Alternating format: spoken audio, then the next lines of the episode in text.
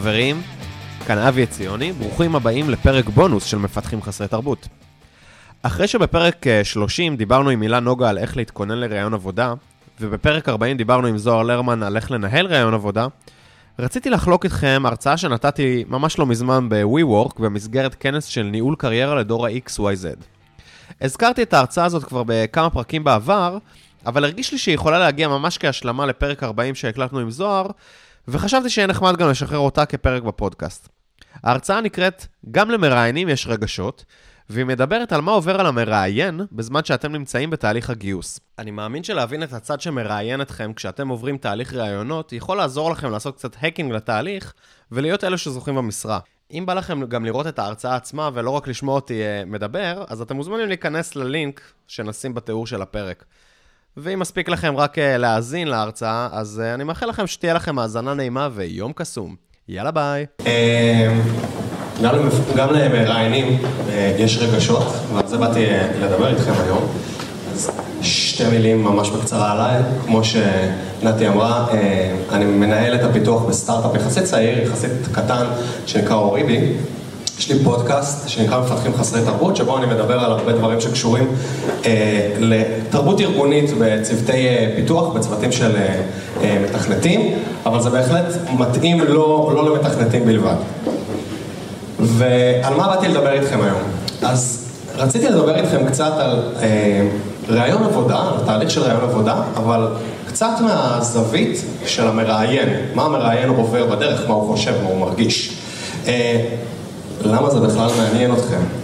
בגדול, כי אני חושב שאם אתם תבינו את הצד השני, אגב, זה כנראה נכון בכל, בכל סיטואציה בחיים, אבל גם ברעיונות עבודה, אם תבינו את הצד השני, תוכלו להשתמש בזה בשביל לעשות את ההקים שיגרמו לכם להשיג את העבודה.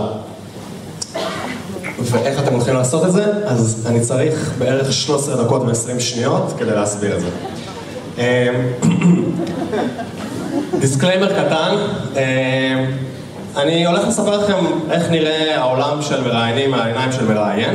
יצא לי לראיין כבר לא מעט אנשים, לראות הרבה קורות חיים, אבל זאת הדעה שלי, אני בטוח שיש מראיינים אחרים שיגידו לכם דברים אחרים, וזה בסדר. ועוד disclaimer קטן, אני מראיין בעיקר מתכנתים, ולא כל מקצוע, כל מה שאני אגיד פה מתאים, אבל אני חושב שדיברו פה הרבה על העולם החדש, אני חושב שרוב מה שאני אדבר עליו מתאים לרוב העבודות, לפחות כשאנחנו באים לרעיון עבודה במקומות האלה של העולם החדש. אני רוצה להתחיל אה, בהתחלה. אה, ראיתם איזה משרה שמגניבה אתכם באיזושהי איזה מודעת אה, דרושים? אולי זה מודעת דרושים של העולם הישן בעיתון? יש פה עוד מישהו שמחפש ככה עבודה? לא יודע? כן? באילת. אוקיי, באילת מחפשים ככה עבודה, סבבה? אבל גם שם אין מע"מ, אז... לא, אני לא מאמין לך. אמ, אבל בדרך כלל, אולי הם הודעת דרושים, אולי זה בפייסבוק, אה, או, או אולי שמעתם מחבר. אמ, וזה מה שאתם רואים, דרוש ככה וככה. מה שאתם לא רואים זה את כל מה שהוביל בכלל לפרסום של המודעה הזאת. אתם לא רואים את כל החלק שבו ישבו וניסו להגדיר מה המשרה, מה אני צריך בכלל לארגון שלי. אתם לא רואים את התקציב, גם התקציב גיוס, כדי לפרסם את המודעה הזאת, כדי להשקיע את הזמן של אנשים בגיוס, וגם התקציב למשכורת. אתם לא רואים אה, מי היה, היה האמפלואי, העובד הקודם במשרה הזאת, שהשאיר משקעים על התפקיד שאתם נכנסים אליו עכשיו. אתם לא רואים פוליטיקה ארגונית, אני ניהלתי אה, שמונה מפתחים עד לפני כמה חודשים, אחד מהם החליט לעזוב, לא ברור למה, אבל הוא החליט. אה, ואולי נשמע לכם הכי טבעי, שישר יצאתי לחפש אחד אחר, אבל המנכ"לית שלי החליטה שהתקציב הזה הולך לשיווק ולא לפיתוח. אז אתם לא מכירים את הפוליטיקה הארגונית שיש מאחורי זה. ואתם לא מבינים כמה זמן מי שמדבר איתכם, בין אם זה אה, כוח אדם ובין אם זה מנהל שמגייס לצוות שלו, משקיע בזה. זה תופס לו המון המון זמן מהיום.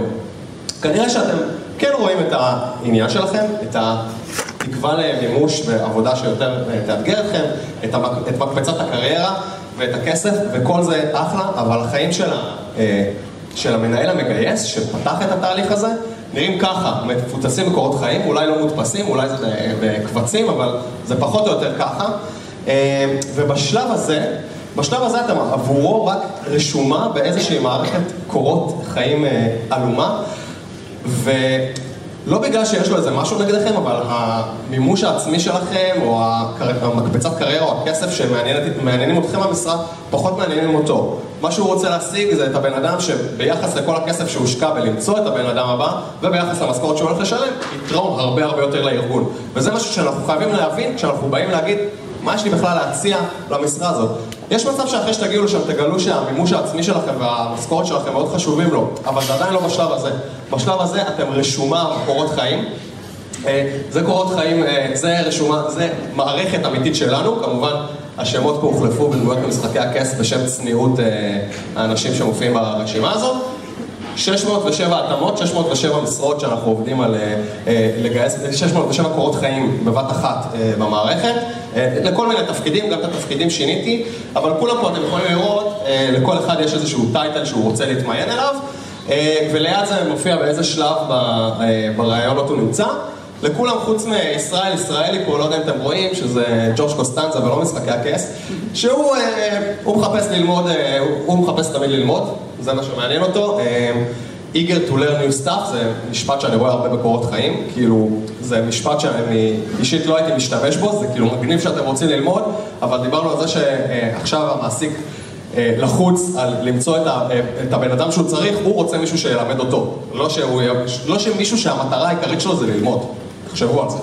אה, וחוץ מזה גם אתם יכולים לראות שכתוב לידו waiting for reply, אני לא יודע אם אתם יכולים לראות, אבל הרבה פעמים האנשים ששולחים קורות חיים פשוט שולחים קורות חיים וחתימה, אה, ישראל, ואין לי מושג לאיזה תפקיד הם התמיינו, ראיתי שהם איגר ללמוד, אני לא מצליח להבין מה קורות חיים שלהם, מה הם רוצים, וגם הוא אפילו לא עונה לנו לטלפון או למייל.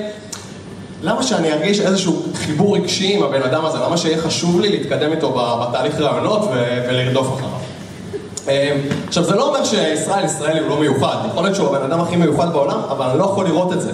ובדרך כלל קורות חיים שאני קורא אה, נראים פלוס מינוס ככה, אה, ספציפית גם הרבה קורות חיים מגיעים לי ככה, זה שלושה ארבעה עמודים של רשימת מכולת של כל Buzzword אפשרי ש, שהבן אדם עשה בחיים. פה זה כזה קורות חיים של מתכנת, אבל כמובן ללא שמות, וקצת שיניתי את הפונטים וזה שלא יזהו, אבל אני אנסה לתרגם לכם חלק מהבולטים שכתובים כאן, זה בערך כאילו הייתי מחפש אה, משרה שההתמחות שלה דורשת, שהידע דורש התמחות ב Office, הוא היה כותב לי Word, בקיא מאוד בפונקציית ה save, יודע לעשות bold לכל, אה, לכל טקסט, ושולט בהגדלה והקטנה של אה, גודל הגופן בצורה מושלמת. זה לא מעניין אותי, זה לא אישי, אין לי שמץ של מושג מה אתה מביא לשולחן. וזה ברור לי שאתה יודע את זה, כי אם לא, אז בכלל למה הגשת את הקורות חיים האלה. מה כן אישי? נועה דיברה פה בהתחלה, אני לא רואה אותה, אבל אני לא יודע אם פה עדיין, אבל היא דיברה פה בהתחלה על הקטע הזה של, ה, של המאגר, אז את צודקת, אין מאגר כזה, למרות שאני גם תמיד כותב לכולם שאחזור עליהם. אבל זה, קורות, זה, זה פסקה שהצטרפה לקורות חיים ששלחו לי לפני שנה ומשהו, מישהו שהאמת לא התקבל, בגלל שהוא עדיין היה קצת צעיר מדי לצרכים שלנו, אבל מישהו שאני זוכר ממש ממש טוב, אני זוכר את הבן אדם, הפסקה הזאת השאירה עליי רושם משמעותי, כי פה אני ראיתי כבר בן אדם, אני אנסה לתקצר לכם. בפשטות, מחפש הרפתקה, מחפש להרגיש חלק מרכזי בארגון, בפיתוח, מחפש לעבוד עם אנשים כמוני שחיים את המקצוע. מתאבסס על דרכים לייעל תהליכים לא יעילים, זה החלק המקצועי, ואז למטה אמלה. מחפש משרד פיתוח, נה נה נה נה אה, חצי שנה מה, מהזמן שעבדתי בחברה הקודמת, גרתי ועבדתי בחו"ל עם הצוות המקורי של המוצר, ואז הוא זרק פה בדיחה, רק עבדתי איתם, גרתי לבד, שעשע, אה, ובסוף הוא כתב בעליה של קובייה הונגרית 555 כחדשה. אני בטוח שגם אם קראתם קורות חיים, של... קורות חיים בחיים שלכם וגם אם לא, הייתם מקבלים דבר כזה, הייתם זוכרים את זה? לא רק זה, פתאום יש בן אדם מאחורי הקורות חיים האלה, פתאום זה מישהו שבא לי לדבר איתו, בא לי להכיר אותו. אז אה, שימו לב איך אנחנו מדברים פה על ההבדל בין הטאצ' האישי לבין אה, רשימת מכולת. פה הבן אדם מביא את עצמו, ופתאום אני רואה פה בן אדם ומעניין אותי לפחות להכיר אותו. בואו נדבר על היום הראשון שלכם בעבודה. היום הראשון שלכם בעבודה זה לא היום שאתם מתחילים אה, לדפוק שעון.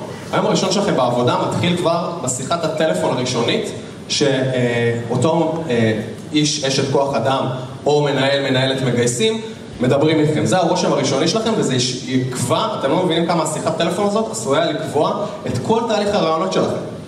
בואו נבין משהו. המראיין הוא בן אדם. בשלב שהוא מחפש, המנהל שמגייס, או, או כוח אדם, לא משנה, בשלב שהוא מחפש אה, מישהו או מישהי לאיזשהו אה, תפקיד, הוא קורא מאות של קורות חיים, אה, מדבר בטלפון עם עשרות של אנשים ופוגש ביום ממוצע בין בן אדם אחד לשלושה אנשים. אצלי זה בדרך כלל יותר בכיוון של שלושה, כי לרוב יצא לי בבת אחת לגייס אה, כמה אנשים. השיחת טלפון הזאת, אולי זה יישמע לכם מוזר, אבל אני תמיד קצת משקשק לפני שאני, לפני שאני uh, מרים אותה, כי אני לא יודע מי יענה לי בצד השני ואיך הוא יגיב. יש כאלה שאומרים, מה? אני לא יכול לדבר עכשיו. אה, תתקשר אליי אחר כך. נראה לכם שאני אתקשר אליו אחר כך, לא משנה מה קורות חיים שלו, לא, לא בא לי, לעומת מישהו שאומר, היי, וואי, איזה יופי שהתקשרת, תקשיב, אני לא יכול לדבר עכשיו, בואו... תבינו שההבדל הזה, וגם אם היה איזה מישהו שיש לו קורות חיים פצצה, ועושה לי, יכול לדבר איתך עכשיו, ואני ארצה לדבר איתו אחר כך, גם פחות יבוא לי וגם זה ישפיע קצת על התחושה שלי, ואנחנו נדבר עוד רגע על התחושה האישית בהמשך, אה, בהמשך הרעיונות. אז תהיו מקצועיים כבר בשיחת הטלפון או במייל, שולחים לכם מייל, תענו, אתם רוצים את העבודה, תענו, גם אתם לא רוצים את העבודה, מישהו שלח לכם קורות חיים, מתייחס אליכם, תתייחסו בחזרה. אגב, מהצד השני אני עונה לכל מי שלא קיבלתי לתפקיד, הוא מקבל אה, מייל אישי או שיחת טלפון, כאילו אין מצב שאני לא עונה, אז גם אתם תענו. אה, ותהיו ידידותיים, יש בן אדם בצד השני, הוא גם ינסה לעשות את התהליך נחמד לכם, אני מקווה, לפחות במקומות שאתם רוצים לעבוד זה יהיה ככה, אז תהיו גם אתם נחמדים. בואו נדבר על שלושה טיפים שאני חושב שהם אה, ממש ממש חשובים אה, להכנה לרעיונות עבודה. הטיפ הראשון זה להתכונן, הטיפ השני זה להתכונן, והטיפ השלישי זה גם להתכונן, אבל זה לא אותו טיפ. אה, יש שלושה סוגי התכוננויות, התכוננות אחת עליי, התכוננות שנייה על החברה או על העסק שאני הולך להתראיין עליו, והתכוננות שלישית על מי שאני הולך להתראיין אצלו או אצלה. בואו נדבר עליי. אה, למי שמראיין אתכם, יש את הקורות חיים. מה שהוא רצה לדעת משם הוא כבר יודע. אה, כשאתם באים, הוא רוצה לראות את הבן אדם, מה אתם מביאים לשולחן, אה, את הכימיה שלו איתכם, ואני אדבר על זה עוד שנייה. אתם צריכים לדעת לספר את סיפור קורות החיים שלכם בצורה שתתאם לפחות למה שכתבתם בדף, אחרת זה כאילו, זה הכי לא מקצועי שיש וכנראה לא תתקדמו. אתם צריכים לחשוב על מה אתם רוצים שהמראיין יתפקס בחיים שלכם. למה אני מתכוון? רוב האנשים פה, אני מניח, לפחות חצו את גיל 25, יש להם כבר כמה שנות תעסוקה, ובקורות חיים הם עדיין כותבים את השירות הצבאי, והרבה פעמים אני מראיין מתכנתים שהרבה פעמים היו מתכנתים בצבא, ויש להם 7 שנות ניסיון, 10 שנות ניסיון, והם מדברים איתי על פרויקט שהם עשו בצבא, ואנחנו 20 דקות לתוך הרעיון עבודה, ואני אומר, אוקיי, הבן אדם כאילו עושה הרבה דברים מאז הצבא, אבל הוא מדבר על הצבא, כנראה זה ההישג הכי גדול שלו, ואז כאילו באיזשהו שלב הזמן שלי נגמר, אני קוטע אותו, אני אומר, אה, טוב, עכשיו אני צריך לשאול אותך שאלות, בוא נגיע לסוף הסיפור, ואז הוא אומר, רגע, לא הספקתי לספר לך על החברה האחרונה. אז תחשבו על מה אתם רוצים להתפקס ותתפקסו על הדברים שעושים לכם חסד, אל תתחילו לברבר על כל מיני דברים שעשיתם או לא עשיתם, תחשבו מה מעניין את מי, שפוגש, את מי שאתם פוגשים לשמוע. ובאותו הקשר, תכינו דוגמאות קונקרטיות, אל תכתבו את הרשימת מכולת הזאת ותתגלמו רשימת מכולת של הניסיון שלכם.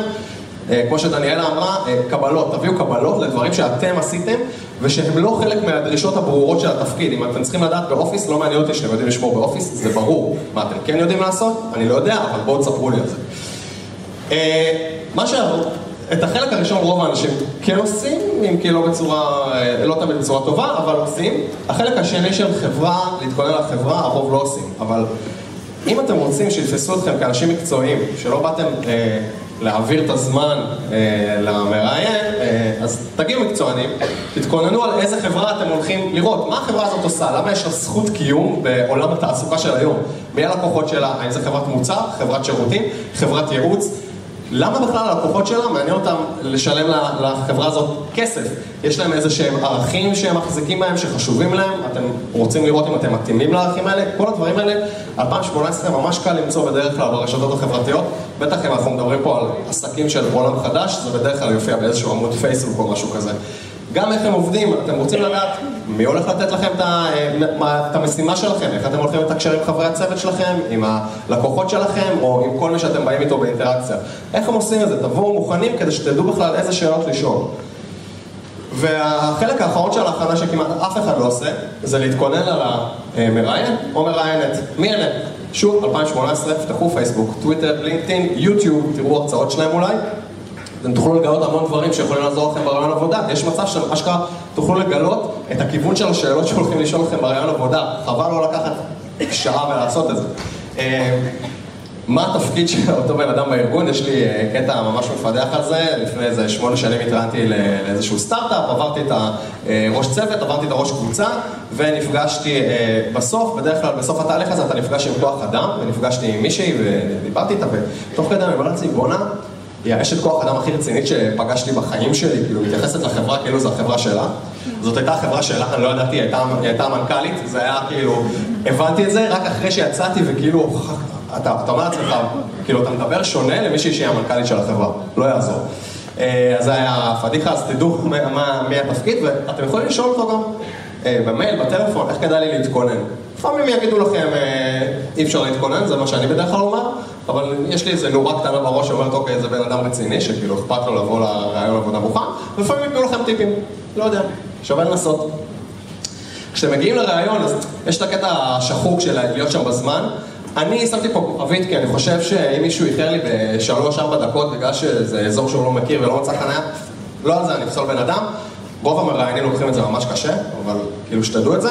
אה, תנסו להרגיש, תנסו להרגיש בבית, לא בצורה מוגזמת, תנסו להרגיש בנוח. בסוף אתם פוגשים גם את המראיין, גם את האנשים שנמצאים במשרד, כולם בני אדם.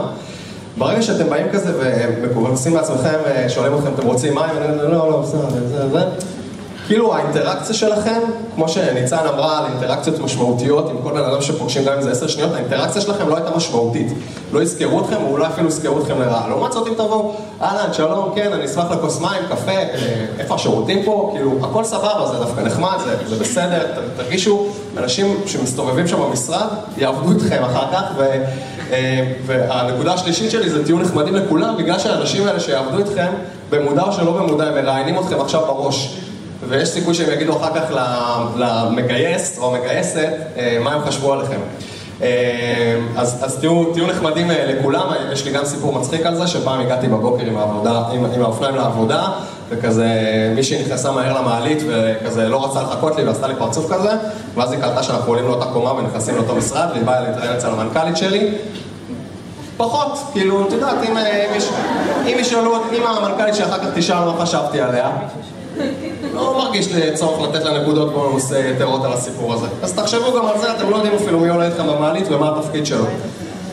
אתם פוגשים את המראיין, את המראיינת, תרגישו חופשי, אה, שוב, הבן אדם עוסק עכשיו יותר מדי זמן בלפגוש מלא אנשים, קשה לו לזכור את כולם, תרגישו חופשי להכניס את פן אנושי. איזה משרד יפה יש לכם, איזה כיף היה להגיע לפה, אין פקקים כמו למקום עבודה שלי.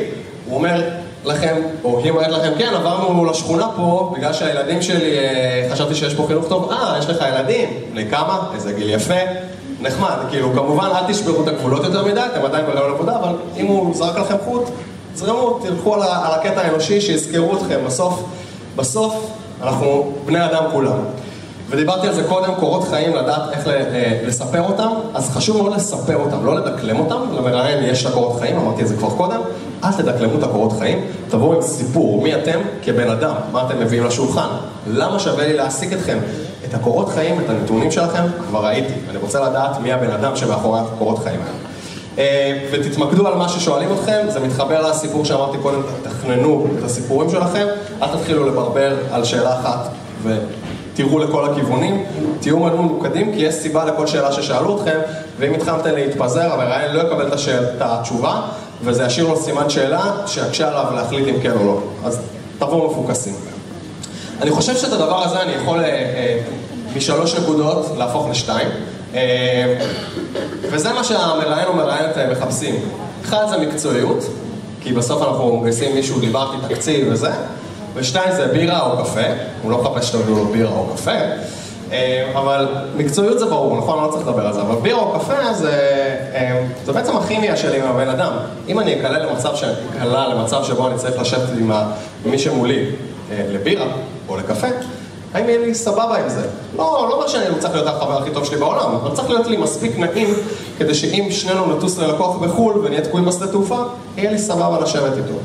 אה, והלקח שאני רוצה שתחשבו, תחשבו, תיקחו מפה, אה, מעבר לרמה מסוימת של מקצוענות, אה, פרמטר של הבירה מנצח. זאת אומרת, אם יש שני אנשים, אחד יותר מקצועי, אבל שניהם עברו איזה סף מסוים של מקצועיות, והשני יותר, שותף יותר טוב לבירה, שלא יהיה לכם ספק, השותף יותר בירה הולך לקחת את העבודה.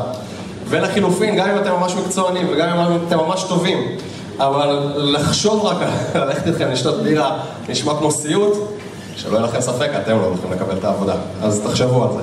אמ, סוף הראיון, שאלו שאלות, זה מראה על המקצועיות שלכם, זה מראה בשבילכם איפה אתם רוצים לעבוד. שמענו פה כל כך הרבה סיפורים על אה, איפה היינו תקועים, ואם זה התאים לי או לא התאים לי.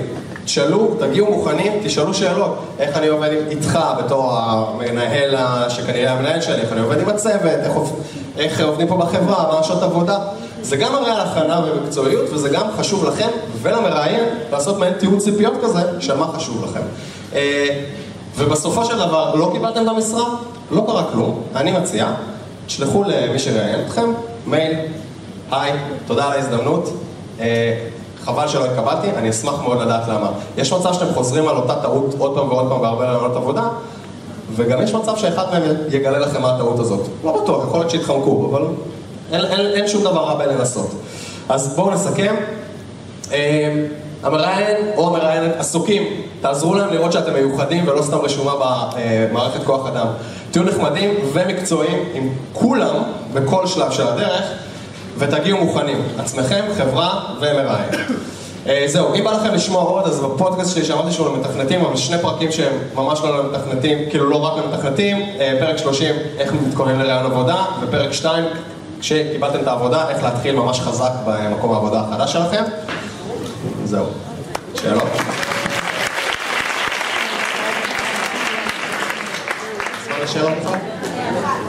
שאלה אחת, שמישהו אחר יבחר.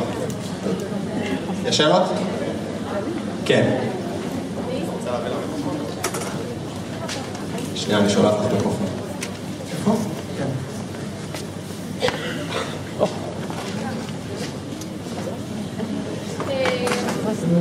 ראית איזשהו קטע חיים שזה מפתח רשם לך את החלק האישי שלו.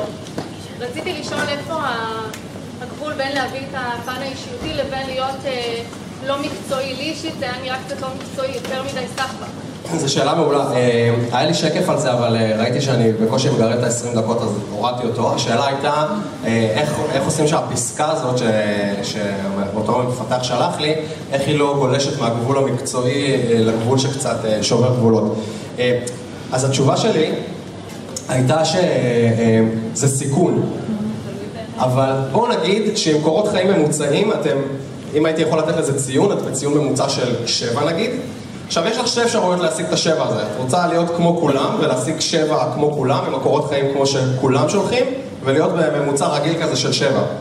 האופציה השנייה של להיות בממוצע שבע ברעיונות עבודה שאת עושה, אה, זה להיות בתשע ובחמש, נכון? זה ממוצע? כן. שחלק מהאנשים יחשבו שאת חמש, כי את מוזרה ומה זה הדבר הזה, אבל חלק מהאנשים יחשבו שאת תשע וממש ירצו לגייס אותך. אז uh, אני חושב שאם, כאילו, אלא אם כן זה איזה משרה מאוד ספציפית שאת חושבת שיש סיכון, או או נגיד אה, אה, מישהו שדיברתי איתו, מישהי שדיברתי איתה על ההרצאה הזאת, האמת שנראה לי זה היה, דני זה הייתה אה, אחותך אני חושב, אמרה לי שהיא שלחה קורות חיים למשרת עורכת דין במסמך כחול, ואמרו לה שזה ממש לא מקצועי ושתפסיק לעשות את זה, יש מצב שבעריכת דין זה לא מתאים. כאילו במתכנתים שכולם שולחים אותו דבר, לי, לי זה מגניב, אז אני אומר כאילו, להעיז בחיים בכלל, נראה לי כל הסיפורים פה היו על העזה. אז להעיז ולעשות משהו קצת שונה, כאילו אולי לא תקבלי תפקיד אחד, אבל במקומות שתגיעי אליהם, אז תהיי כאילו, תנצנצי מעל כולם.